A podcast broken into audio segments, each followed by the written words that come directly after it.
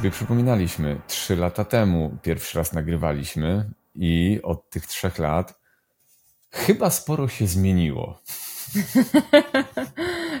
tak, sporo, sporo. No właśnie masz do czynienia z, z nowym człowiekiem, jak to mówią, jak się rodzi dziecko, to się rodzi kobieta. Więc zupełnie o, inne hormony, e, zupełnie inny stan, zupełnie inne postrzeganie. Oczywiście, no nie może zupełnie inne, ale jeszcze pogłębione. Mhm. To, co się dzieje w ciele, bo to już trwa e, dwa lata plus ciąża, no to to jest nie do opisania, bo ja pamiętam siebie wcześniej, a siebie teraz i jeszcze do dzisiaj się nie mogę do tego przyzwyczaić, to jest niebywałe. Mhm. I sobie powtarzam, że ale właśnie to jest naturalne, właśnie to jest właściwe. No bo kiedy my przez tak długi okres byliśmy sami ze sobą, mogliśmy wszystko, byliśmy absolutnie wolni, w każdej sekundzie mogłam się przemieścić gdzie chcę, a teraz jest to wielkie wydarzenie, żeby w ogóle wyjść na zakupy, e, no to no to możemy mieć taką tęsknotę za tym, co było, wiesz. E, bo jeśli jakaś kobieta, powiedzmy, zachodzi w ciąży mając 18 lat, ona jeszcze nie doświadczyła tej wolności. Dla niej to życie jest normalne, nie? Więc tutaj tak jakby trzeba to pożegnać. To jest naprawdę potężny proces e, przechodzenia do tego nowego. Dla mnie, ja jeszcze jestem w tym procesie. Ja jeszcze się do tego nie przyzwyczaiłam. Myślę, że już może przy drugim e, to będzie bardziej naturalne dla mnie, ale na razie Niesamowita e, ścieżka. Jak, I to tylko nam pokazuje, wiesz, jak my, jako społeczeństwo, właśnie, mm, ponieważ mamy rozmawiać o tej płodności, mm, jak my zostaliśmy w ogóle wynaturzeni, odcięci od czegoś, co jest właśnie naturalne. Wiesz, to dzisiaj jest tak, że kobietom, bo wiesz, rozmawiam też z różnymi kobietami, są pracuję z nimi, coś, co jest naturalne, czyli właśnie karmienie piersią, bliskość, e, to dzisiaj to sprawia kobietom ból. Mm, e, jest to odczuwane przez kobiety jako przebodźcowanie, ale właśnie to jest natura. Ale dlaczego to jest przez nas e, jako przebodźcowane odczuwane? No bo my sami nie dostaliśmy albo zostaliśmy odpychani przez naszych rodziców tej bliskości.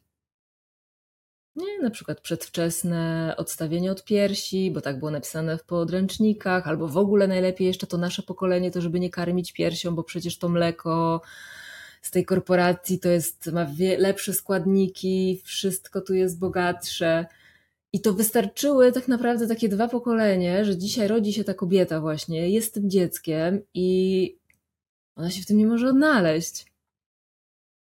Ja mówię to nie tylko ze swojego doświadczenia, ale ciekawe, że mam takie doświadczenie, bo dzięki temu mogę zrozumieć, co się dzieje z kobietami dzisiaj, w dzisiejszym świecie. Że wszystko to, co było kiedyś naturalne, jest szokujące. Ciekawe. I to nie tylko z perspektywy właśnie y, mamy, ani z perspektywy rodzicielstwa, ale myślę, że to, co teraz powiedziałaś, ma kolektywne znaczenie w różnych obszarach życia. Mm. Tak, ja myślę, że to właśnie jest to wielkie pytanie, które musimy sobie zadać, co tu zrobić, żeby się znowu od, e, e, u, uczłowieczyć. Bo to bym powiedziała jest odczłowieczenie, co się wydarzyło. Nie to, ten sposób, w jaki byliśmy wychowywani, to, to teraz dopiero, kiedy właśnie osoba przygotowuje się do własnego dziecka, a, a szczególnie właśnie wtedy, kiedy nie może, to musi sobie zadać tysiąc pytań i w tych pytaniach oczywiście wchodzi w te rejony zapomniane przez dziecko, a zapomniane dlatego, że były bardzo bolesne. I jest zmuszona do tego, żeby wejść w te rejony. Normalnie człowiek nie wchodzi w te rejony, ale e, jednocześnie, jeśli nie wejdzie w te rejony tego bólu, e, to próbując przed sobą samym ten ból ukryć, mm, nie mając kontaktu ze swoim bólem, również nie ma później kontaktu z przyjemnością w ogóle ze sobą. Mm, więc można by powiedzieć, no naprawdę takie sytuacje w naszym życiu, kiedy my czegoś nie możemy, albo mamy jakąś chorobę, e, coś się nie udaje, one nas zapraszają do tego, żebyśmy się trochę właśnie pojednali z tą naturą, z tym człowieczeństwem, które gdzieś tam jednak e, powoli e, ginie. No i taka też była ta moja ścieżka, i widzę teraz, pracując z kobietami, że to właśnie o to tutaj chodzi, że my e, nie mamy też wrażliwości dla, dla naszych dzieci, E, no bo będąc w tym bólu przeszłości, my jako dzieci doświadczyliśmy bólu, ale również byliśmy świadkami bólu naszych rodziców. To dla nich macierzyństwo było cierpieniem. A zatem, jeśli popatrzymy na to e, w sposób, w jaki ja patrzę na rzeczywistość, e, pracując z ludźmi, czyli z rodem, czyli nie tylko patrząc na mały wycinek, o jest sobie człowiek, ale że ten człowiek pochodzi skądś, za nim stoi, e, stoją miliony ludzi, pokolenia. I ci ludzie coś przeżywali, i ci ludzie coś po sobie zostawiają, jakieś wspomnienie, odczucie, mm, które ono nie znika sobie tak ono tak jakby zostaje przyjęte przez kolejne pokolenia jako informacja. Nie? To trochę tego dowodem jest e, to piękne doświadczenie na dżdżownicach, kiedy tam to dżdżownice nakłuwali, my sobie chyba o tym rozmawialiśmy na tym naszym pierwszym spotkaniu, nakłuwali je w obecności mięty i kolejne pokolenia objawiały um, e, objawy tego, że ich prababcia i babcia była w obecności mięta, mięty nakłuwania. Objawem jedynymi była alergia na miętę albo ucieczka przed zapachem mięty. Nie? Tak samo my dzisiaj, kiedy sobie właśnie zadajemy pytanie, co się tutaj dzieje, bo dzieje się jakaś nieprawdopodobna, potężna sprawa, a mianowicie coraz więcej par nie może mieć dzieci. I według tych e, danych Światowej Organizacji Zdrowia, no to w tym 2050 to praktycznie ta połowa świata już w ogóle nie, nie wiem na jakiej podstawie te badania są, być może badają jak, jak to procentowo narasta, no ale że w 2050 no to już praktycznie połowa ludzkości nie będzie mogła mieć dzieci. No i tyle. Ale ja uwielbiam sobie zawsze zadawać pytanie, no ale dlaczego?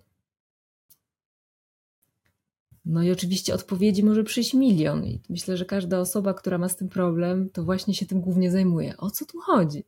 Co się dzieje? A tej odpowiedzi nie ma nigdzie. Nie? Jedyne, co tam gdzieś słyszymy, no to, że tam PiS da 500. Plus. To będą dzieci. No, ale to zupełnie nie o to chodzi. Mm-hmm. Zresztą ty też przechodziłaś tą ścieżkę, prawda? Że ty jakby też w tym byłaś i też próbowałaś dojść do pewnych jakby wniosków, do pewnych konkluzji odnośnie tego, że też ty z Włodkiem jakby wy staraliście się e, przez wiele lat e, o dzieciątko i e, jakbyś miała podsumować właśnie ca całe te twoje rozważania, to jakie, do jakich konkluzji doszłaś? Jakbyś się mogła tym podzielić na przykład z ludźmi, którzy teraz powiedzmy są tymczasowo w jakiejś niepłodności? Mhm. Mm jesteśmy najlepszym rozwiązaniem problemu w naszym rodzie. I takie to jest rozwiązanie. Mhm. Żeby już nikt nie cierpiał. Okej. Okay. Bo to jest to, co sobie między innymi przekazujemy pokoleniowo. To jest to, to jest informacja, co zrobić, żeby przeżyć, e, żeby w miarę jakoś żyć. No i jeśli to macierzyństwo właśnie w, w tych e, wcześniejszych pokoleniach wiązało się w jakiś sposób z traumą, to to zostaje przekazane, żebyśmy uniknęli. A mhm. uniknąć to znaczy nie mieć dzieci. Mhm. Tak Żeby nie przekazać dalej. Tak, więc tak to widzę pokoleniowo. E, natomiast również e, widzę taką drugą stronę tego, a mianowicie, kiedy popatrzymy sobie na przyrodę, to widzimy, że do tego, żeby była płodność, muszą zaistnieć określone warunki. Mhm. I to jest kolejny temat. Czyli jedno to jest e, według mnie właśnie ta praca z traumą pokoleniową, co nas spotkało, co spotkało naszych rodziców, gdzie jest ta trauma, bo trauma ma właśnie to do siebie, że my nie pamiętamy, że to jest to jest poza naszym w ogóle wglądem, więc tutaj po prostu trzeba pracować z podświadomością, nie? z różnymi technikami e, podświadomości. E, ale ta druga sfera jest równie istotna, bo zobacz te różne kultury kiedyś, mam wrażenie, że one mm, chyba kiedyś też spotkały się z takim problemem jak niepłodność, bo e, pokazywane są takie atrybuty płodności, tak jakby właśnie przypominać ludzkości, o płodności, o tym, że to jest ważne. Tak jakby już kiedyś się to wydarzyło, że my to straciliśmy. Nie? Tak jak zobacz, straciliśmy naturalnie e, karmienie piersią.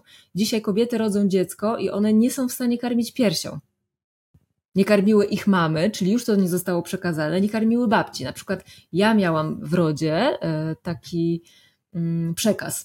To jest ciekawe, że kiedy ja urodziłam własne dziecko i e, przyniosłam, wszyscy je zobaczyli w rodzinie, babcia, mama, to pierwsze co powiedziała moja babcia, no mówię, ale co ty robisz? Przecież My nie mamy mleka w piersi. Ty nie masz mleka. Nie? Więc kiedy ja zbadałam ten temat, co się tutaj dzieje, dlaczego moja mama mnie nie karmiła piersią, dlaczego moja babcia mnie nie karmiła piersią, to, są potężne tematy, w które my musimy wniknąć, dlatego że e, e, jedną z nieuświadomionych traum, jakie mamy jako dzieci, to jest to, że my nie mieliśmy bliskości z z naszą mamą. W zasadzie wszystko się kręci wokół mamy. Nie? Kiedy nie wiem, mhm. ktoś przyszedł na ustawienia to, albo na jakąś, jakąkolwiek psychoterapię, to tam ciągle mama, tata, mama, tata. Eee, ale gdzie to się zaczyna? Już w momencie poczęcia. Zaczyna się nasza podróż z mamą. To, jak ona nas przyjęła, to, jak ona się czuła w tej ciąży, jak ona się czuła z tatą, więc ta postać taty to jest też nieprawdopodobnie ważna postać, bo w zasadzie to, jak czuje się mama, zależy od tego, e, jak jest tata. Nie? Czy ona się czuje bezpiecznie przy nim, czy ona może odetchnąć, czy ona jest cały czas napięta, czy ona nie wie, co zaraz się wydarzy, e, czy ona musi się zażynać i pracować e, podczas tej ciąży, i w związku z tym ona nie ma nawet czasu na kontakt ze swoim dzieckiem, że ona jest w ciąży i że ono jest. Ona się nad tym nie zastanawia. Mm, I,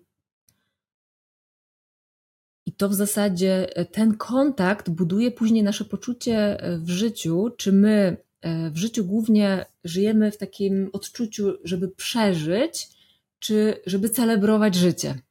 Bo jeśli nasza mama celebrowała swoje macierzyństwo, cieszyła się nami i celebrowała swoje życie, to my naturalnie dostajemy taki dar, że my to umiemy.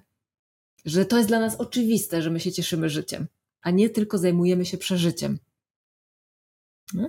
I potem tym kolejnym E, etapem e, niezwykle ważnym dla budowy całej tej naszej struktury e, psychicznej, ale również po części tego, jak my później będziemy nasze dzieci witać i czy w ogóle je będziemy witać, no to właśnie jest poród. Czy ten poród był traumatyczny? Bo jeśli mama zostaje z taką myślą, że to było najgorsze wydarzenie jej życia, to czy jej córka chce urodzić? Wiadomo. No właśnie. Nie? I my się nad tym nie zastanawiamy, ale to jest przekaz emocjonalny. Ona nawet mogła, ta mama tego w ogóle nie mówić, nie wyrażać. Nie? Ale jeśli to takie było, to to już mogło pójść dalej. Nie? I teraz jaka jest więź e, po takim porodzie, który był trudny pomiędzy mamą a dziecką? To już jest oddalenie. Nie? Bo dziecko odczuwa to, jakby to ono było winne, a mama patrzy na dziecko i widzi, jejku, ile ty mnie kosztujesz. Ile to jest bólu, to nasze spotkanie, to macierzyństwo. Potem jest kolejny etap, no to jest ten etap, w jaki sposób my y, opiekujemy się dzieckiem. No szczególnie do pierwszego roku życia, do drugiego, ale do tego pierwszego to jest najistotniejsze. Y, czyli kiedy sobie y, czytamy o tych różnych takich jeszcze kulturach starych, plemiennych, to oczywiste jest to, że mama generalnie nie spuszcza e, dziecka z rąk. Dziecko jest cały czas, dlatego że ten okres po narodzeniach dla dziecka jest po prostu kontynuacją tego życia płodowego. E, to jest za duży szok, e, kiedy ono jest odłożone nagle i sobie śpi samo w łóżeczku, a do tej mhm. pory było otoczone wodą, dźwiękami, czuło oddech. Więc jest to znowu trauma, a ponieważ my tego nie nazywamy dzisiaj traumą w tym społeczeństwie, ja nie wiem jak to teraz jest w psychologii, natomiast na poziomie biologii jest to trauma. Nie? Mm, więc jedno to jest to, jak mama blisko jest ze swoim dzieckiem, a może być blisko ze swoim dzieckiem znowu wtedy, kiedy nawet jeśli ten poród był traumatyczny, to jeśli ona w jakiś sposób miała możliwość z kimś przepracowania tego bólu. Bo wiele kobiet e, po takich porodach e, po pierwsze traci pokarm i znowu nikt nie wie, dlaczego ona traci pokarm. No przecież to jest oczywiste. Przecież te, te, przy takim trudnym porodzie, nawet e, w którym dziecko jest zabrane od matki, E, dla matki to jest informacja, że dziecko nie żyje. A jak nie żyje, no to po co karmić? Oczywiście podświadoma informacja. Tak, to jest, cały czas jesteśmy e, w podświadomości, więc dopóki my nie poznamy tego, w jaki sposób e, nasza podświadomość widzi rzeczywistość, nasza natura zwierzęca, bo na przykład nasza natura zwierzęca widzi e, informację, kiedy mama zostawia dziecko w drugim pokoju albo na porodówkach, nasze pokolenie, prawda, byliśmy przeniesieni do drugiego pokoju. I można, mama mogła do nas przyjść na chwilę, nas zobaczy, że jesteśmy. Ale informacja płynie taka przyrodnicza, że matka mnie odrzuciła. Skoro jej tutaj hmm. nie ma, to znaczy, że ja chyba jestem jakiś niepełnosprawny, coś jest ze mną nie tak i zostałem odrzucony i czekam na śmierć. Tak samo jak małe dzieci są odstawione od razu do inkubatorów na przykład. Tak. No. I to są wszystko takie sfery, które powolutku trzeba uzdrawiać, żeby wracać z powrotem do tej więzi. Tak jakby, żeby ten ból i cierpienie, które jest pomiędzy mamą a dzieckiem, żeby to w końcu się rozpraszało. Ta kula energetyczna tego bólu, żeby się rozpływała. I im bardziej my możemy do naszej mamy, tym bardziej później możemy do naszego dziecka. No, ale życie właśnie zaczyna się e, przy naszej mamie. Tata to życie daje, czyli tak jakby tata jest tym nasieniem, który zapładnia matkę ziemię, glebę. Nie? Są te nasiona, no ale potem to ta matka z miłością, cała oddając się, oddając swoje ciało i wszystko, co ma, daje siebie dziecku.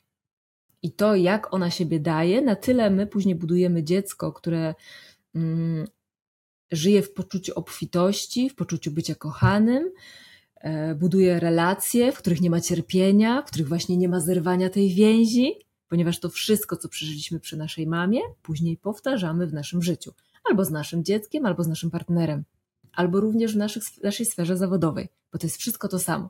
Sfera zawodowa to jest ta sfera właśnie obfitości. I tutaj właśnie ktoś mógłby y, powiedzieć, że ale to było y, w czasach niemowlęcych, więc ja nie mam na to wpływu. To już się stało, no i teraz to są moje wzorce, więc no odtwarzam je, prawda? No bo jakby nikt mi nie powiedział tego, jak to uzdrowić, albo też e, powstało to nieświadomie w jakiś sposób, no więc ja nie wiedziałam albo nie wiedziałem, e, że tak się wydarzyło, więc teraz tym żyję, prawda? E, no tak jest najczęściej, bo my nie mamy żadnej edukacji w tej sferze, natomiast e, myślę, że wiesz, kiedy na to patrzę, to naprawdę ciągnie mnie w kierunku teorii spiskowych. Jak zdegradować ludzkość? Zacząć od poczęcia. To znaczy, żeby w ogóle kobiety uważały, że E, to jest coś nie w porządku, że ona poczęła dziecko. Czyli na przykład e, stresować kobiety, że za wcześnie, prawda? Miała 18 lat i zamiast pójść na studia, to ona nagle sobie zrobiła dzieciaka. Albo nie miała studiów, tylko sobie właśnie dzieciaka zrobiła. Nie? Czyli jest jakaś sfera kulturowa, e, która jest przeciwko macierzyństwu.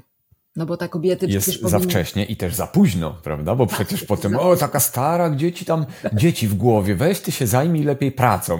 Pilnuj roboty, bo robota jak ucieknie, to co będziesz robić na emeryturze? Tak, tak. I to jest jakieś zjawisko, no być może kulturowe, bo mamy z tym do czynienia, widzimy to. Tak jest w naszej kulturze. W naszej kulturze nie ma kultu płodności.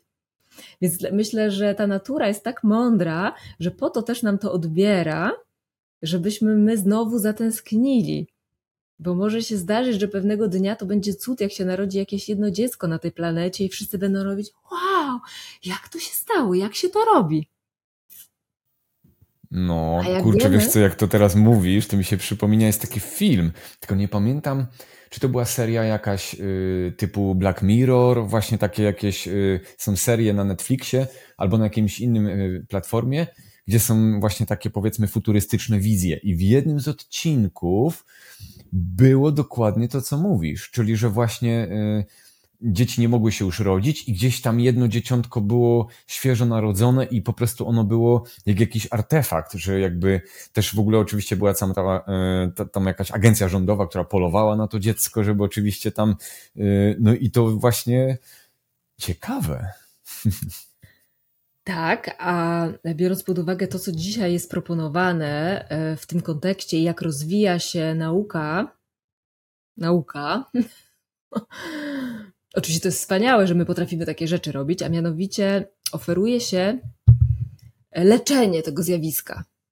Jak wiemy, dzisiaj powstają e, takie ośrodki, w których jest już, e, czeka, czeka na nas, na ludzkość, taka wielka macica, która około tam 360 ma innych macic podłączonych do siebie, sztuczna macica. Nam bodajże w tym momencie już jest taki jeden ośrodek, na pewno na Ukrainie. E, I tam będzie można sobie po prostu swoje dziecko hodować w tej sztucznej macicy, bo niemożliwe jest w macicy naturalnej, ludzkiej. Nie? I to jest bardzo ciekawe, bo zobacz, samo słowo płodność mówi płód nosić, czyli niemożliwe jest nosić płód. To są czasy, które przed nami. Yy, więc ten płód będzie nosić ta sztuczna macica. No, można sobie sprawdzić w internecie, są nawet fotografie, jest naprawdę wiele informacji na ten temat, jak to wygląda, jakie to jest wspaniałe, jakie to jest rozwiązanie, żeby lud, ludzkość przetrwała. No ale czy to o to chodzi znowu, żebyśmy my oddawali swoją moc, coś, co było dla nas naturalne, żebyśmy tak po prostu sobie lekko przeszli i zrobili to w taki sposób?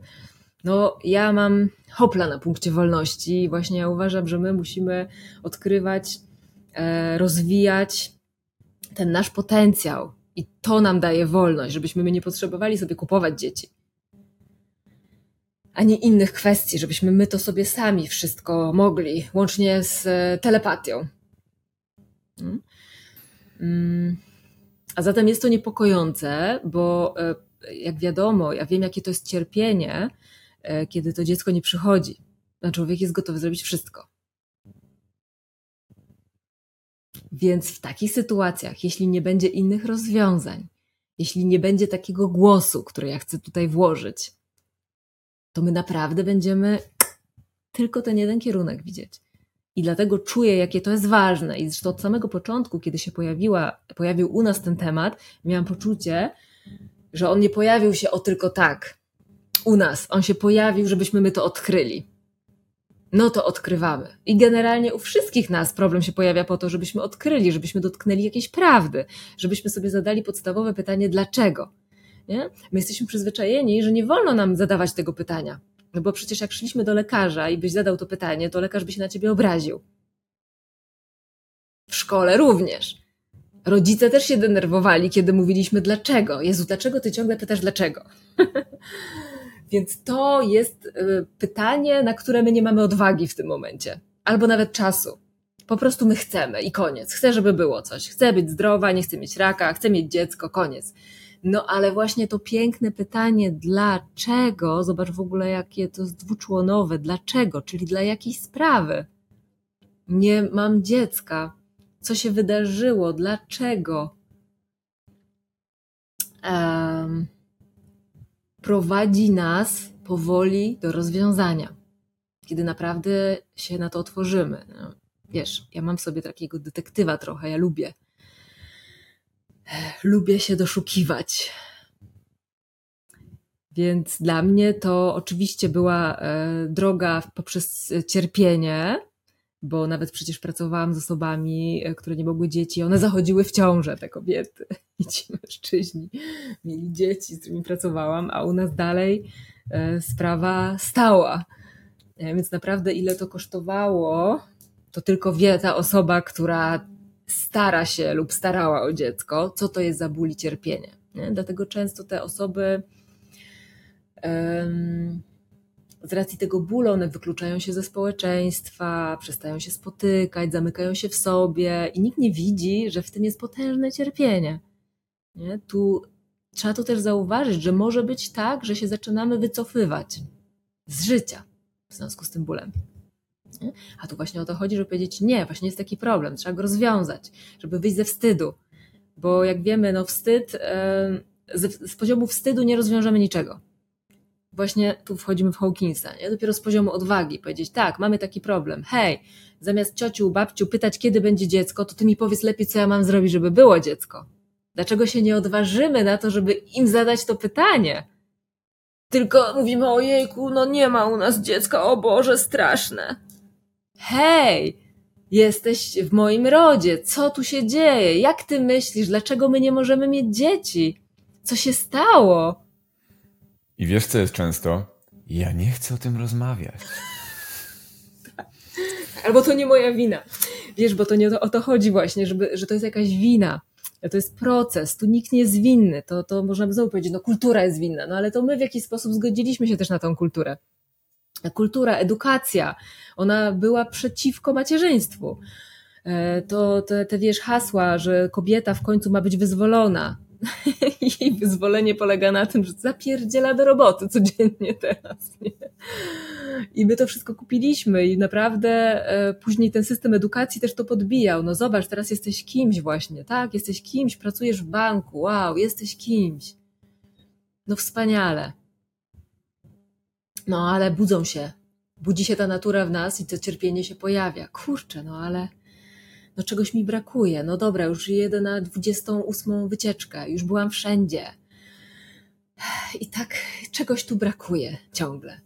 No bo jest to naturalne, kiedy osoba dojrzewa i to jest też myślę e, kolejny temat, nie? Czyli powiedzmy ten pierwszy temat e, to są traumy. Traumy dziecięce nasze i traumy naszych rodziców przy nas, które my odczuwaliśmy jako trud. I traumy naszych przodków, mm, związane po prostu z macierzyństwem i tacierzyństwem.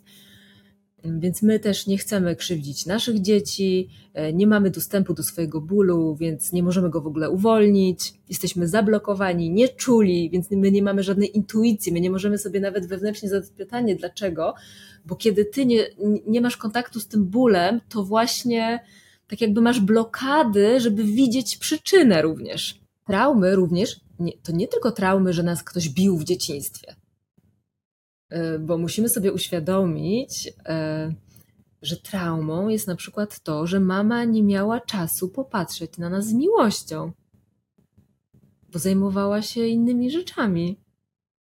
To jest trauma, to jest odrzucenie.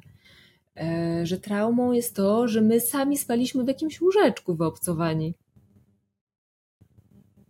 To nie tylko to, że nasi rodzice się rozwodzili, że się kłócili. Tak, to oczywiście też nie? albo że tam ojciec kogoś bił. To też potężne, ale jest jeszcze y, inna płaszczyzna traumy. To w jaki sposób my byliśmy traktowani, czyli przemocowo.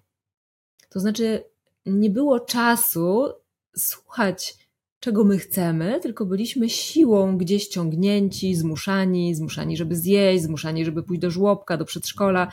Tak jakby tej wrażliwości zabrakło, żeby słuchać jak to dziecko się z tym ma. Oczywiście w konsekwencji były choroby. A ponieważ my nie wiedzieliśmy jeszcze wtedy, dlaczego są choroby, no więc uznawaliśmy, że to na pewno są te straszne bakterie i wirusy, które zaatakowały. Natomiast nikt nie widział, że po prostu to dziecko przeżywa nieprawdopodobny szok, kiedy jest w takim przedszkolu albo w takim żłobku, że jest w ogóle na to niegotowe, bo systemem odpornościowym takiego dziecka jest mama. Potem też tata ale najpierw mama, mama, która cały czas jest w czujności, patrzy na to dziecko, czy ono unosi, czy daje radę, bo dziecko nie zawsze wyraża swoją traumę poprzez płacz, właśnie wręcz odwrotnie. Kiedy dzieje się coś trudnego, to trauma polega na tym, że my nie płaczemy, że nas odcina. I dlatego nie pamiętamy, tak jakby po prostu tracimy świadomość. I my nie wiemy, że nasze dziecko coś przeżywa nie? w konsekwencji czego jest chore.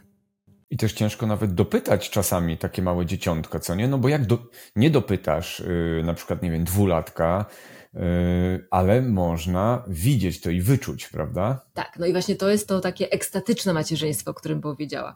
Ono jest możliwe tylko wtedy, kiedy matka te swoje traumy po już wyluzuje, kiedy odzyska swoją wrażliwość, bo tylko wtedy ona może być wrażliwa na dziecko. Najpierw musi być też wrażliwa na siebie i na swoje ciało. Jeśli my traktujemy swoje ciało, po prostu nagle się rozchorowałam, wezmę sobie tonę leków, e, no to, to, to jest naturalne, że ona tego nie będzie widziała w swoim dziecku, więc najpierw my musimy do tego w ogóle dojrzeć.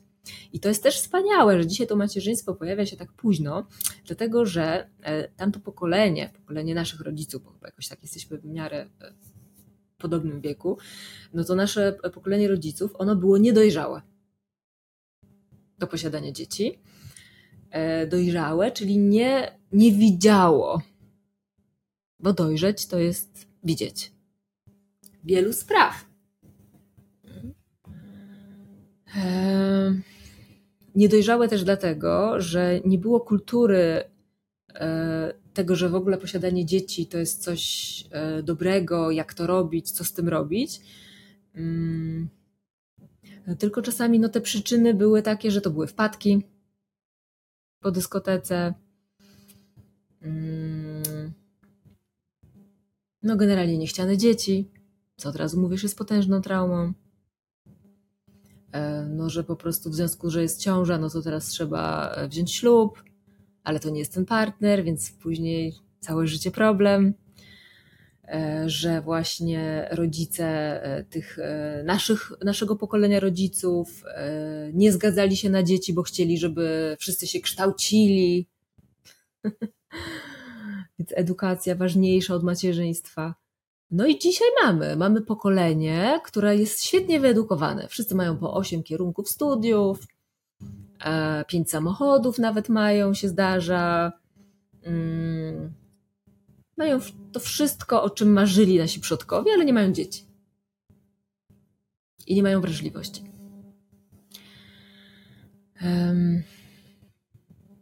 Więc kiedy sobie e, e, wrócimy do tego tematu jeszcze przyrodniczego, o co tu chodzi w tej przyrodzie? Bo kiedy tak nie mamy dzieci, to patrzymy sobie na przyrodę i mi to bardzo pomogło, bo ja jestem ogrodnikiem. Ja uwielbiam zaszyć się w ogrodzie i tam z tymi roślinami kombinować. No i oczywiście czasem mi wyjdzie i czasem nie. Czasem będzie z tego życia, a czasem nie będzie z tego życia. No i oczywiście zadajesz sobie pytanie, a co się dzieje, że tego życia nie ma? Dlaczego ta roślina zwiędła, albo dlaczego urosła jakaś karłowa, albo dlaczego w ogóle nie urosła? No i przyroda nam pokazuje. Żeby było życie, muszą być określone warunki. No jakie to są warunki? No odpowiednia mm, kombinacja słońca i wody na przykład, nie? Czyli teraz możemy powiedzieć e, symbolicznie, bo jak wiesz, zajmuję się totalną biologią, no to słońce to ojciec, na mama woda, nie? ziemia.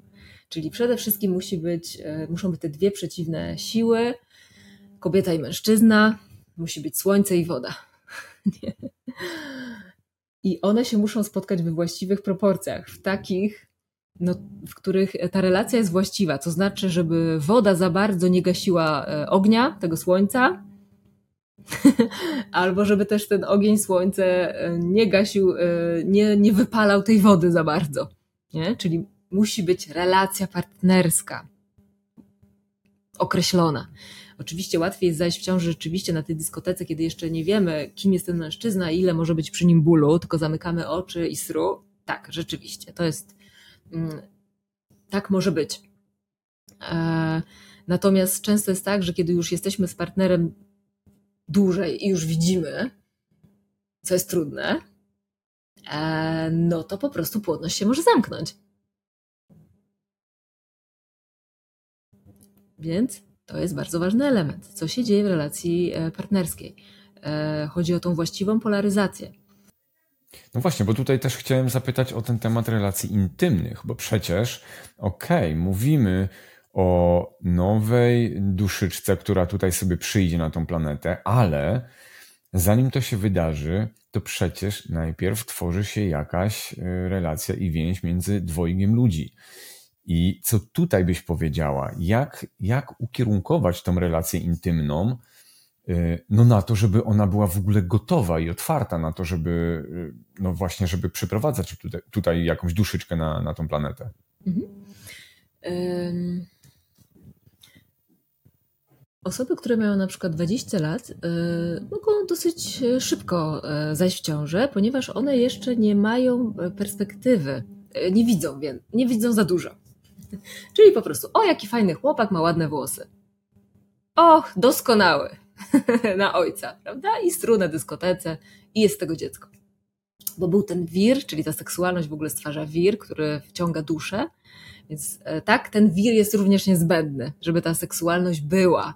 Ona często e, e, u par, które starają się o dziecko, zupełnie zanika, bo pojawia się takie cierpienie, że w sumie ta seksualność nie daje żadnych owoców, że zaczyna już być nam niedobrze. Że po prostu ten seks do niczego nie prowadzi. I pary się mogą na siebie zamykać, a wir jest niezbędny.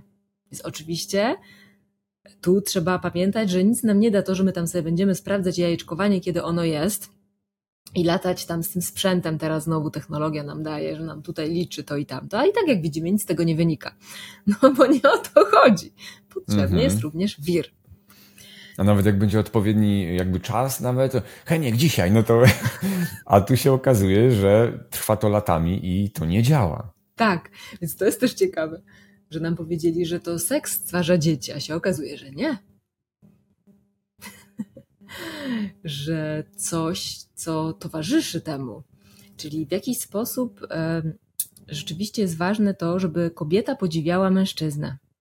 To jest istotne, żeby ona, no bo mm, to jest tak, że kiedy podziwiamy kogoś, to chcielibyśmy mieć pewne cechy takie jak ten ktoś.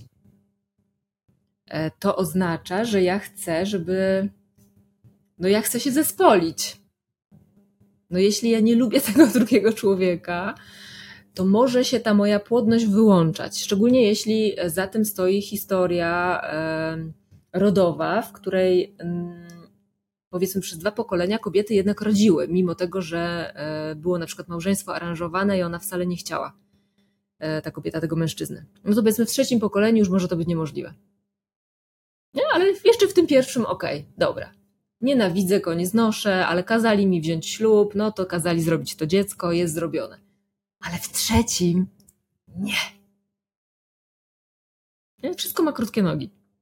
Tak, seksualność może się po prostu e, zakończyć, bo jest to związane również e, z, ze stanem emocjonalnym, w jakim jest para, i ta para w związku z tym, jak się czuje, czyli przede wszystkim ma poczucie zaburzonego poczucia wartości. No jest coś ze mną nie tak. No znowu to dziecko nie wyszło. Nie wychodzi nam. Co powoduje, że spadają hormony, które są potrzebne do tego, żeby powstało dziecko, bo dziecko może powstać w, w świecie zwierząt w biologii tylko jeśli. Yy, to są najlepsze istoty. Rozumiesz, co mam na myśli? Jakby pisane sobie, że tak powiem. Sam jest alfa, samica alfa. Najlepsi się rozmnażają. Mhm. Czyli na przykład, kiedy popatrzymy na stado wilków, to tam tylko sam jest alfa się rozmnaża. Mhm. Beta y, są niepłodni. Okej. Okay. Beta to są ci, którzy mm, uważają właśnie, że są niewystarczający, bo przegrali z alfą. I alfa rządzi. No to przecież naturalne jest to, że w naturze gatunek ma być coraz lepszy, a nie coraz gorszy. Więc tak jakby natura sama wygasiła instynkt seksualny u e, wilków beta albo tą możliwość reprodukcji. Bo wiesz co, jak teraz tego słucham, to tak mi się wydaje, że beta mają dużo seksu. E, nawet, Ale. Tak, homoseksualni się stają. Właśnie. tak. I to wszystko jest natura. Nie? Więc kiedy naprawdę wgłębimy się w świat zwierząt, jakie to są mechaniki, to naprawdę dostajemy potężny zakres wiedzy, co my tutaj możemy dla siebie E, z tego wziąć i które sprawy poukładać. Więc przede wszystkim samica musi być alfą i samiec musi być alfą.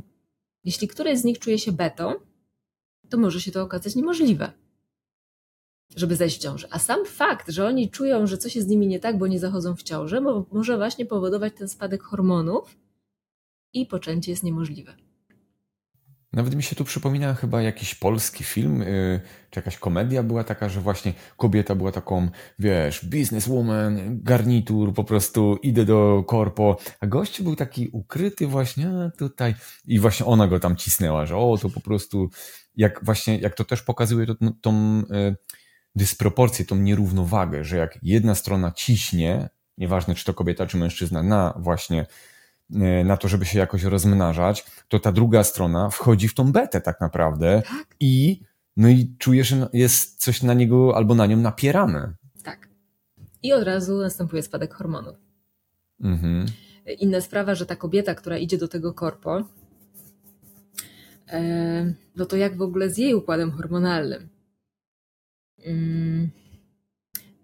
No bo moje doświadczenie e, pracy z kobietami jest takie, że kiedy my za bardzo jesteśmy w energii męskiej, czyli to jest to zdobywanie, ochrona, e, zajmowanie się jakby strukturą, żeby przeżyć, żeby wyszarpać, zdobyć, osiągnąć. To jest wszystko energia męska. Kontrola. Tak. No to wtedy troszeczkę zaczynamy mieć problem z układem hormonalnym. Wiesz, my jesteśmy chodzącą, chodzącym układem hormonalnym. Zobacz, zgaszasz światło, już masz inny układ hormonalny. E, światło jest, masz inny układ hormonalny. Jest tak wiele czynników, które na nas wpływa. A w momencie, kiedy kobieta cały dzień myśli o tym, że ma jakieś spotkanie z jakimś klientem, szefem, coś gdzieś będzie musiała zdobyć i walczyć, co się dzieje w jej układzie hormonalnym? Na ile ona może w takiej energii przyjąć dziecko? No i właśnie, i kiedy znowu popatrzymy na przyrodę, to tutaj e, świetnie nam to, mi to pokazały kaczory. Mm, mianowicie na moim ogródku działkowym w Warszawie lądowały często kaczory kaczorowa i kaczor i obserwowałam ich w tym momencie takim, kiedy było widać, że coś tutaj jest na rzeczy. E, I czym zajmował się kaczor? Przede wszystkim chodził dookoła, był cały czujny, napięty i obserwował, czy ktoś podchodzi, nie podchodzi. I patrzył kątem oka na nią, a co ona robiła w tym czasie? Ona wchodziła w stan błogości. A on robił wszystko, żeby ona mogła sobie w tym stanie trwać. To jest takie trochę wysiadywanie jajek. No ale my też mamy te jajka wewnętrzne. I my musimy mieć to poczucie, że jest w ogóle czas, żeby je wysiadywać, kontakt ze sobą, kontakt z tymi jajkami. My nie możemy jak ten kaczor w tym czasie chodzić i się chronić przed światem i zdobywać. Nie? Czyli właśnie mówiąc między innymi o tych przyrodniczych e, uwarunkowaniach, które są potrzebne, żeby było życie, to można by powiedzieć, że jest potrzebna energia ochrony, E, tej kontroli e, zdobywania, czyli ta energia męska, i energia żeńska, w której, no bo życie może się wytworzyć w błogości. No, no musi być cieplutko, mięciutko. Wiesz, kiedy ja sypnęłam ziarnem na twardą ziemię, e, to za Chiny nic mi nie wyrosło. Albo rzeczywiście wyrosły mi takie rośliny, które no, były skarłowaciane, skarłowaciałe, więc one oczywiście bardzo szybko też zmarły, nie? więc może być poronienie. E, ale kiedy my sypiemy to ziarno na wilgotną, ciepłą, miękką, rozpulchnioną ziemię, to przecież szanse, że będzie życie są zdecydowanie większe. Mm, więc e, kiedy popatrzymy na naszą macicę, to macica kobiety jest twarda, napięta, a dlaczego? Bo to, czym my się zajmujemy, sprawia, że taka się robi nasza macica. Nasza macica potrzebuje odpowiedniej, e, odpowiednich warunków, żeby zmiękła. No w ogóle wystarczy popatrzeć na kobietę, czy ona jest twarda, czy ona jest miękka. I też polecam mężczyznom. No bo to e, dobrze, gdyby, oczywiście no mężczyzna sam tego nie może, najpierw kobieta też musi wiedzieć, że to byłoby do niej dobre, żeby była miękka. Chociaż całe życie nas uczyli, żebyśmy były twarde przestań, schowaj te swoje emocje, bądź twarda. Wiesz, ja też dostawałam takie przekazy. ja byłam superhero. I to był wielki proces, żeby sobie pozwolić e, na to, żebym ja funkcjonowała w stanie miękkości, a nie w stanie cały czas walki. I wtedy ta macica, te wszystkie mięśnie, które ją trzymają, one miękną. Wiesz, gdzie są jakieś urządzenia, bada się tą macicę z prawej i z lewej. No i tak, i one są napięte, te macice. No i co teraz? No jak ją rozluźnić? Znowu nie mamy, my mamy narzędzia diagnostyczne, natomiast znowu nie mamy odpowiedzi, co my mamy z tym zrobić. Więc kiedy kobieta mięknie, no to kiedy ta, taka czorowa mięknie, kiedy czuje się bezpiecznie. I wiesz, czasem taka nastolatka właśnie zachodzi w ciążę z byle kim, z jakimś tam przechodniem, ale e, ona utrzymuje tę ciążę, ona normalnie zachodzi w ciążę. Dlaczego? No bo w sumie ona jest bezpieczna, bo jest jej mama, tata i wszystko będzie dobrze.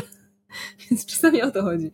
No ale kiedy kobieta już ma 35 lat i nie ma mamy taty, nie ma nikogo do pomocy, jest tylko ona i jej partner, gdzie ona nie ufa temu partnerowi na przykład, że on zapewni im komfort życia, no to zaczyna się problem, bo ona wtedy musi sama zapewnić ten komfort życia.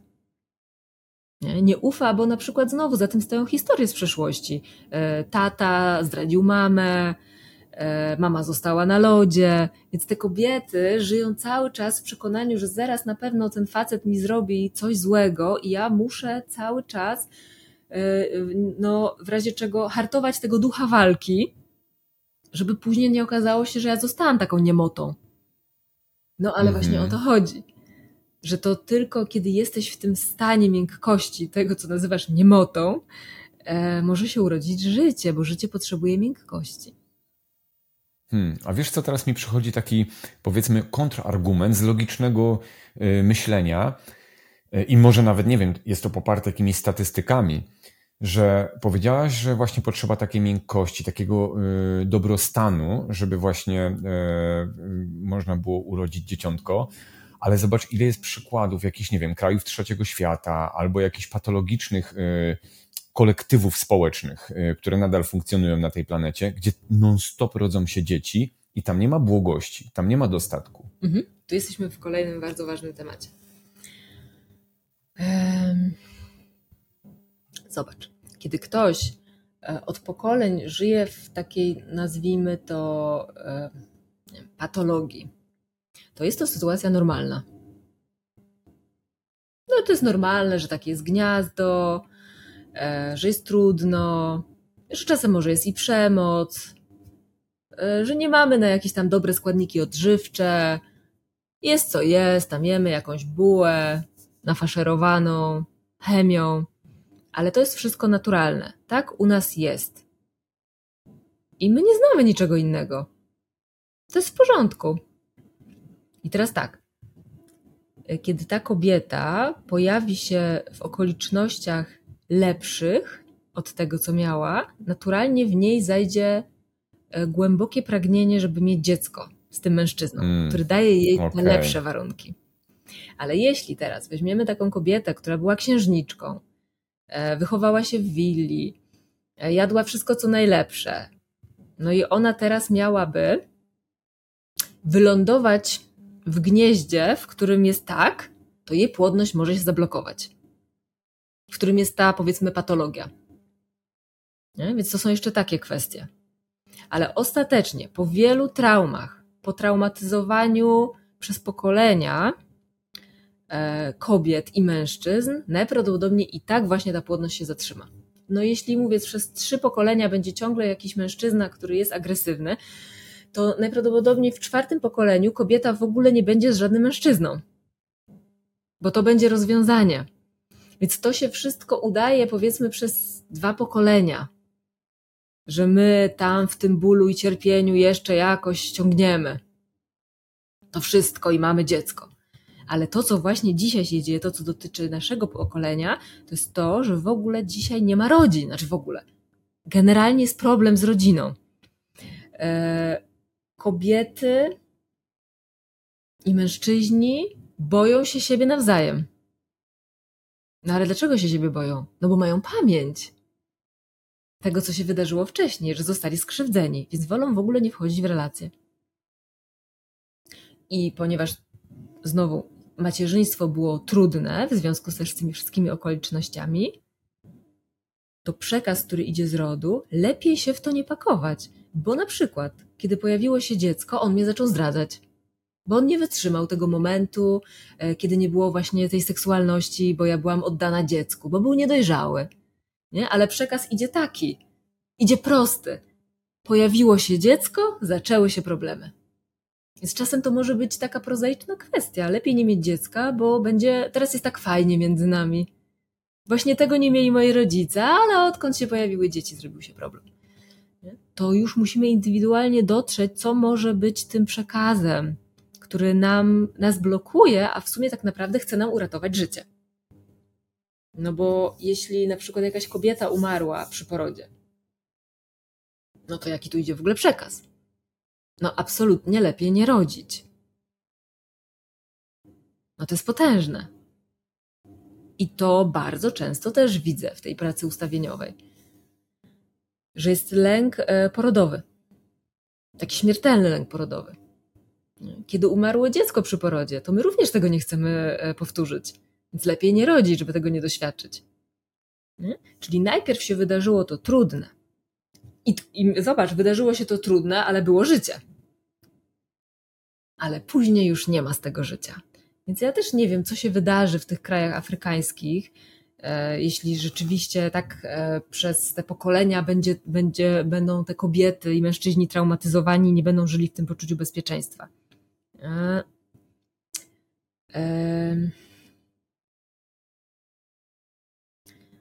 no nie wiem, od razu mi tu przyszły jeszcze temat szczepień bo jak wiemy, już eksperymenty również były robione w tych krajach, bo e, Światowa Organizacja Zdrowia ma oczywiście z tym problem, że się tak dużo jednak tam rozmnaża ludzi. Mm. Więc jak wiemy, też zostały przygotowane różnego rodzaju e, pomoce, żeby się nie rozmnażać. I teraz na ile te pomoce działają, że dopiero na, w kolejnym pokoleniu. Mm coś się takiego pojawia, że się blokuje. Nie wiem, na tej technologii się nie znam, natomiast wiemy, że tak było. I są to oficjalne mhm. wiadomości, bo to są te wielkie afery, prawda, szczepionkowe e, w krajach tak. afrykańskich, jak e, na przykład tam zaszczepili e, w Indiach chyba kobiety, dziewczynki małe na wirusa HPV, żeby nie miały raka szyjki macicy. No I w konsekwencji okazało się, że żadna z tych dziewczynek już nie mogła mieć dzieci. To jest w ogóle gigantyczny case. To mm, polecamy wszystkim, wygooglujcie sobie to i poczytajcie, bo nawet po polsku są, jest wiele publikacji na ten temat. Tak, więc też jakby nie wiemy, jak wielcy tego świata chcą nam pomagać, bo jak e, ciągle słychać, ten kierunek e, polityki bez dzieci, ze zmniejszoną ilością dzieci, dzisiaj E, dominuje, mimo że pozornie mówi się, że to jest polityka prorodzinna. No mhm. ale naprawdę, no znowu 500 plus rzeczywiście może być atrakcyjne e, dla tego, co mówimy, rodzin, które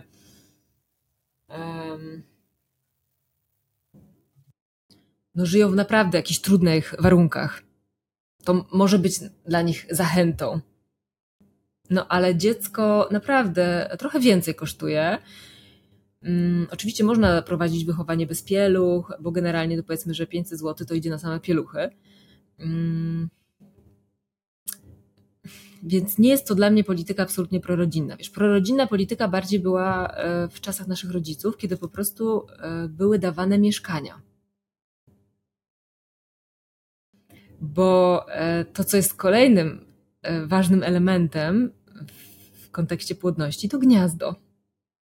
Mhm. Zobacz, dzisiaj człowiek po prostu trudzi się całe życie na gniazdo. Tak. I dalej ma poczucie, że to nie jest to gniazdo. Że tu znowu nie ma miejsca za bardzo na dziecko, że to nie tak. A co teraz? E, I tak, jedni żyją w stresie, bo nie chcą wziąć tego kredytu albo nie mają na ten kredyt, więc znowu żyją w tym nie, dyskomforcie. A inni z kolei biorą kredyt, ale cierpią, bo boją się, że co będzie, jak nagle się noga powinie i nie będą mogli spłacić i stracimy gniazdo. I jest jeszcze trzeci gatunek, który w ogóle mówi, jak fajnie, to jest super, że możemy brać kredyty, właśnie to jest rozwój, wszystko jest dobrze. Te osoby nie będą miały problemu z płodnością. E, dlatego też wiesz, takie jest trochę moje. Mm, mój ogląd, że osoby tak zwane bardziej świadome mają problem z płodnością. Bardziej świadome tego, co się dzieje na tym świecie. E, które mhm. widzą mm, brudne rzeczy, które mają miejsce na tym świecie. Mhm. Te, które są zachwycone światem, uważają, że wszystko jest wspaniale, że to tak ma być, że właśnie to jest nasza cywilizacja, się rozwija, jest wszystko dobrze, nie będą mieć problemu z płodnością. To jest wszystko tutaj. Jakie jest nasze przekonanie? -hmm. No bo musimy sobie zadać pytanie, czy ja na taki świat chcę sprowadzić dziecko? Tak. No i jaki? No i każdy musi sobie odpowiedzieć. Na jaki? Więc jeśli jesteśmy już y, zdehumanizowani, to rzeczywiście dla nas jest to wszystko normalne. Brak więzi, e, przedszkola, e, ten system edukacji, to całe jedzenie, te całe teraz komputery, w których żyjemy, a nie życie, rozwody, bo my nie mamy czucia, co to w nas robi już. Straciliśmy to czucie. Uważam, że jest wszystko w porządku, ale kiedy ktoś odzyska czucie, czyli nazywamy go osobą wrażliwą, to ta osoba myśli sobie: Wow, ja. Ja nie chcę skrzywdzić tego dziecka. I to może być kolejny powód. Ale jest na to rozwiązanie. No bo ja sobie musiałam też zadać to pytanie. To był jeden z moich case'ów. Jak ja na taki świat? I kiedy tak sobie chodziłam z tą myślą, no kurczę, no. I przyszło do mnie, no bo ty po prostu musisz stworzyć sobie taki świat, który właśnie uważasz, że jest temu dziecku e, właściwy. No i to było coś, co mnie uniosło i wydostało z tego jednego case'a, bo tematu było wiele, z którymi pracowałam. Ale to jest to, co widzę. Wiele tak zwanych osób świadomościowych, czyli te, które odzyskały wrażliwość na rzeczywistość. Mm nie czują się tu komfortowo w tym świecie, więc automatycznie nie chcesz tego robić dziecku. Rozwiązanie? Zacznij stwarzać taki świat, który według ciebie jest właściwy dla twojego dziecka. I na to już mamy potężny wpływ. Każda jednostka. No. To nie jest łatwe. No bo to jest po prostu jakby yy, Wisłę kijem zawracać. No ale w sumie jest co ciekawe wyzwanie no a przecież no, jest coś, po co warto żyć.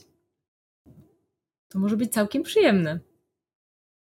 Nie? Czyli to my musimy stworzyć miejsca, my musimy stworzyć plemiona, e, my musimy zadbać o to, żeby macierzyństwo nie było samotne, bo to jest patologia. Przy takim samotnym macierzyństwie, jakie będą dzieci, co my stwarzamy. Nie? Więc im więcej wiesz o tym, co ciebie skrzywdziło, bo masz do tego dostęp, bo sobie to przerobiłeś, tym bardziej wiesz, jak nie chcesz krzywdzić swojego dziecka. Im masz mniejszy do tego dostęp, tym też chcesz powtarzać. I oczywiście jesteś płodny nawet, bo często jest tak, że po prostu to idzie, ten mechanizm, ale w którymś momencie i tak się wyłączy.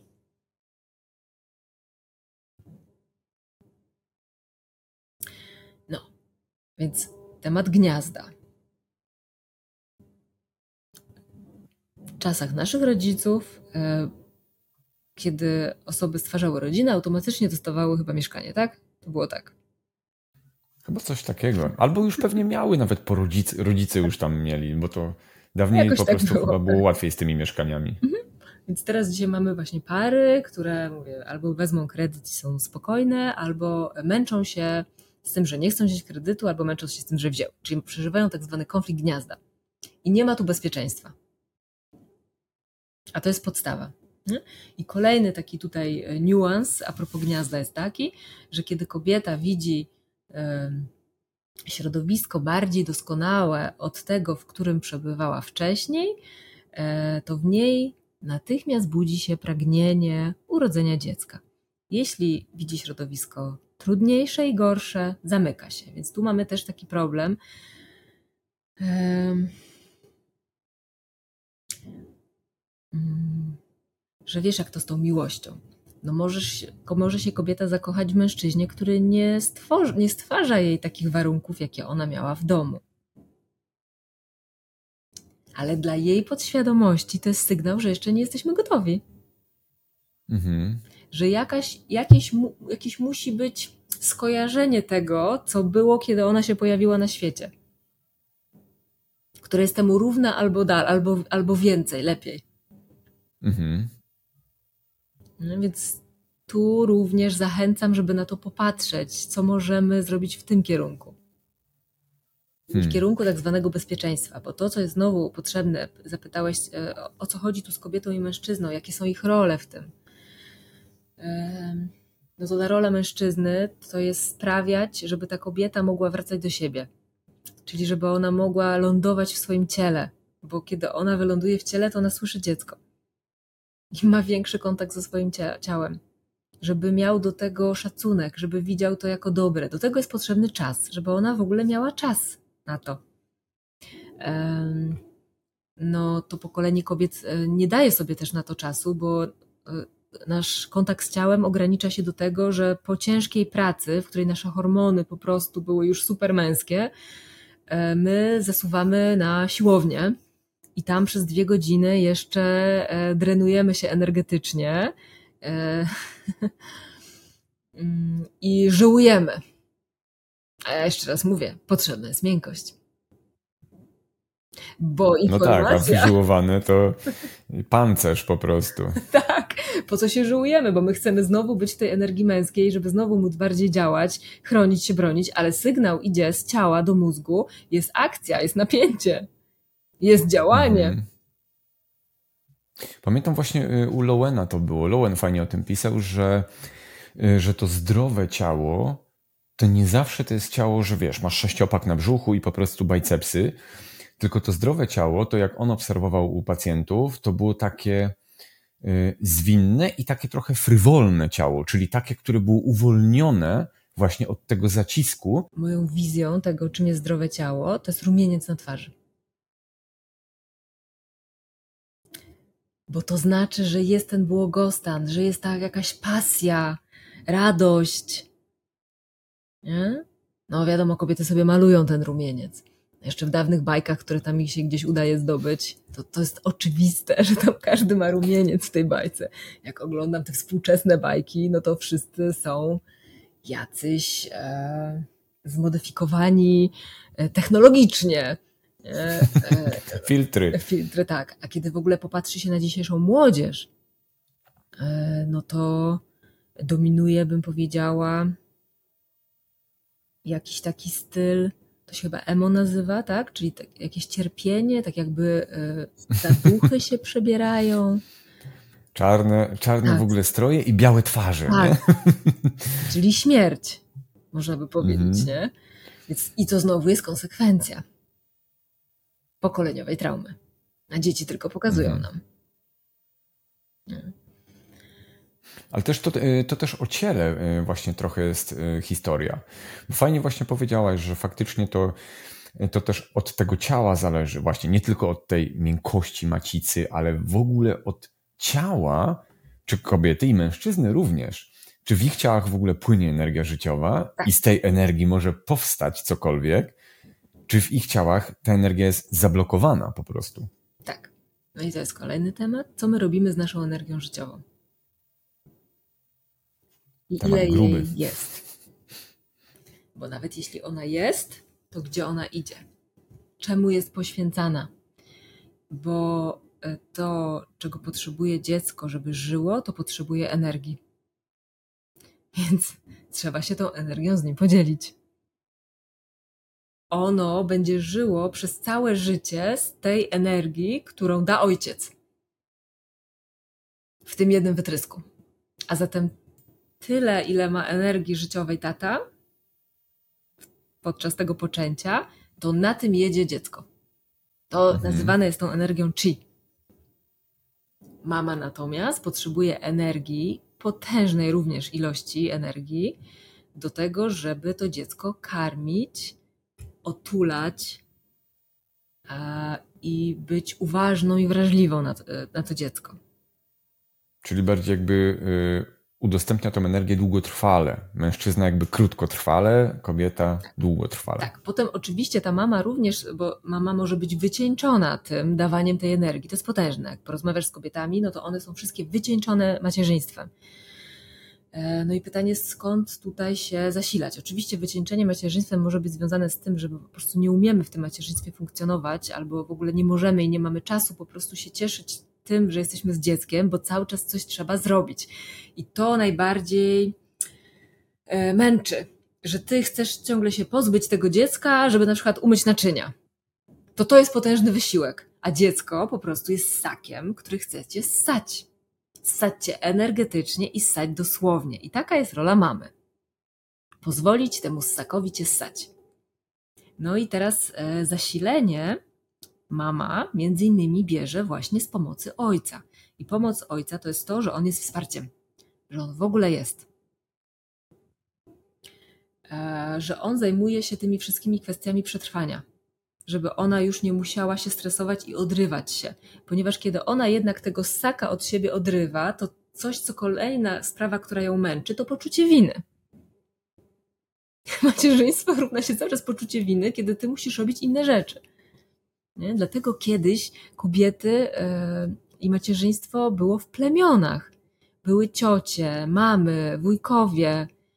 Yy, nikt nie został sam z tym. My się teraz tak wyizolowaliśmy i to jest potężne cierpienie i nie ma się co dziwić, dlaczego dzisiaj jest jedno dziecko, góra dwa. Bo po prostu wszyscy są wyczerpani.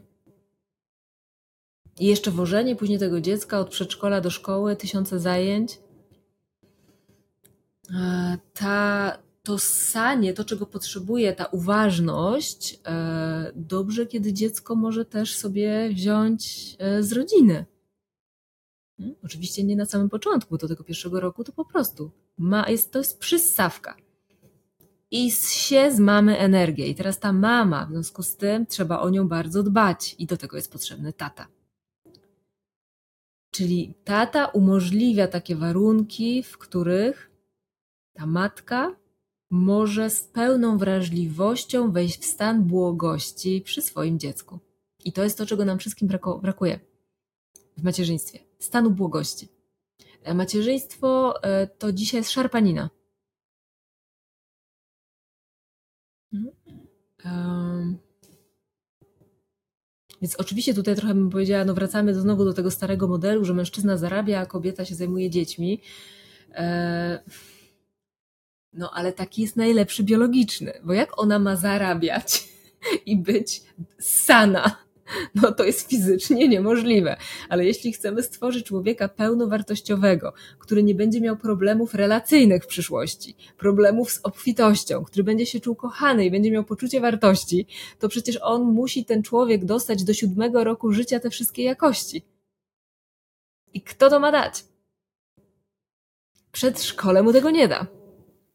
No powiem ci, że to nawet w dzisiejszym świecie to jest. Yy duży rarytas, że mama może na przykład długo być y, z dzieckiem, y, powiedzmy, do nawet, nie wiem, czwartego, piątego roku życia i tak dalej. Przecież po krótkim urlopie macierzyńskim od razu mama wraca do pracy, tak naprawdę. Tak. Teraz się to trochę wydłużyło, bo bodajże jest teraz wow, nagle rok macierzyńskiego, no ale za czasów babci czy moich rodziców to były trzy miesiące. No to przecież to jest zbrodnia przeciwko ludzkości. Tak bym to dzisiaj jasno nazwała. To jest zabranie właśnie człowieczeństwa dziecku, wszystkiego, co jest mu niezbędne do życia, my mu to wszystko zabieramy. Więc znowu, dlatego jesteśmy tak skarłowaciali, nieczujący, nie ma więzi, nie ma bliskości, dlatego nie potrafimy tych relacji budować, również relacji ze swoimi dziećmi. E, więc mówiąc o tym, żebyśmy się uczłowieczyli, wrócili do człowieczeństwa, to właśnie najpierw musimy zobaczyć głęboko, co nas traumatyzowało. Zobacz, kiedy ja miałam nawet wgląd, kiedy ja pracowałam ze swoimi wglądami, e, co było dla mnie bolesne w moim dzieciństwie, oprócz tego rzeczywiście milion rzeczy, których rodzice nie byli zupełnie świadomi. I nie o to chodzi, żeby ich obwiniać za to, no bo po prostu nie wiedzieli. No mieli też to zablokowane. No tak było, tak się robiło. To dzisiaj tak jest. Mówi się kobietom, jest tak, przestań karmić. A co ty tak karmisz? Albo e, pamiętam, jak moja, moja babcia powiedziała do mnie, a co ty, co ty go tak trzymasz, jakby był Bogiem?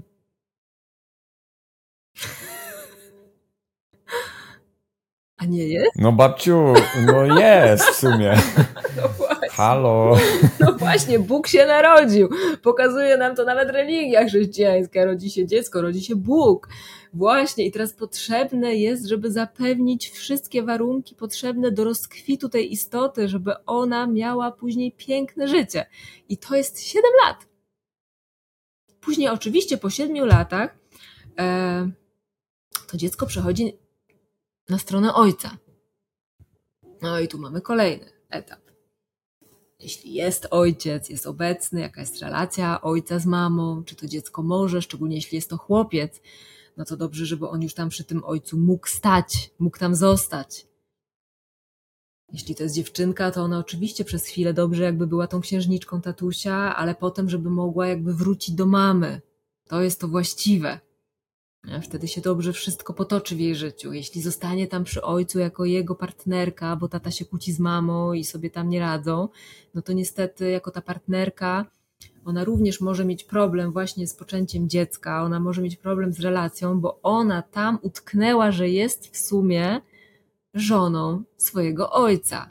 A zatem, czy można się tu rozmnażać z innym mężczyzną? Przecież to jest zdrada.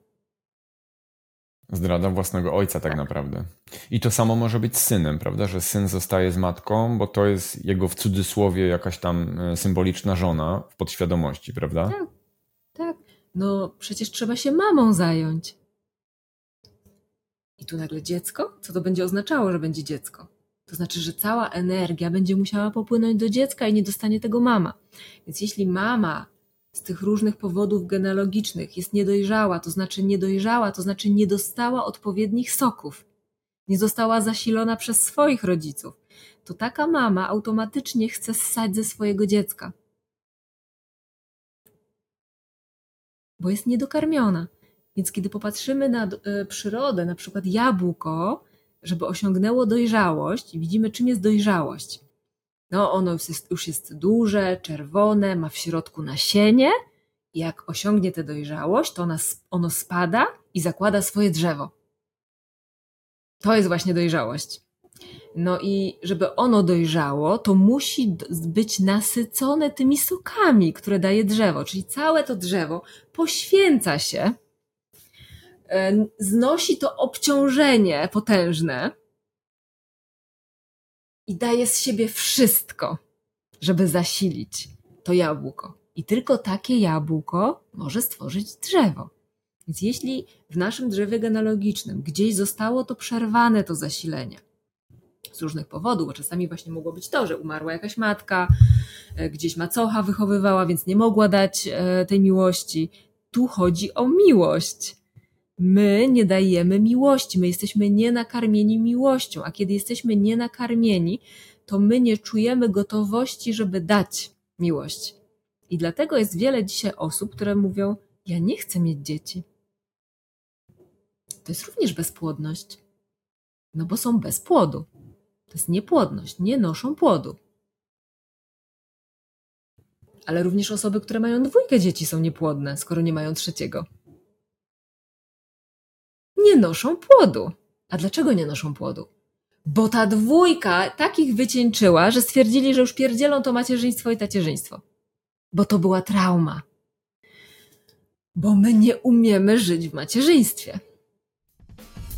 Moi drodzy, to koniec pierwszej części odcinka z Magdaleną Dębowską, ponieważ ten odcinek jest naprawdę długi jako całe nagranie, więc postanowiłem podzielić go na dwie części. A ja na koniec chciałem oczywiście podziękować wszystkim patronom oraz patronkom, którzy wspierają ten podcast i chciałem również podziękować Wam, moi drodzy słuchacze i widzowie na YouTubie. Do zobaczenia w kolejnej części z Magdaleną Dębowską, która pojawi się już niebawem na kanale na YouTubie.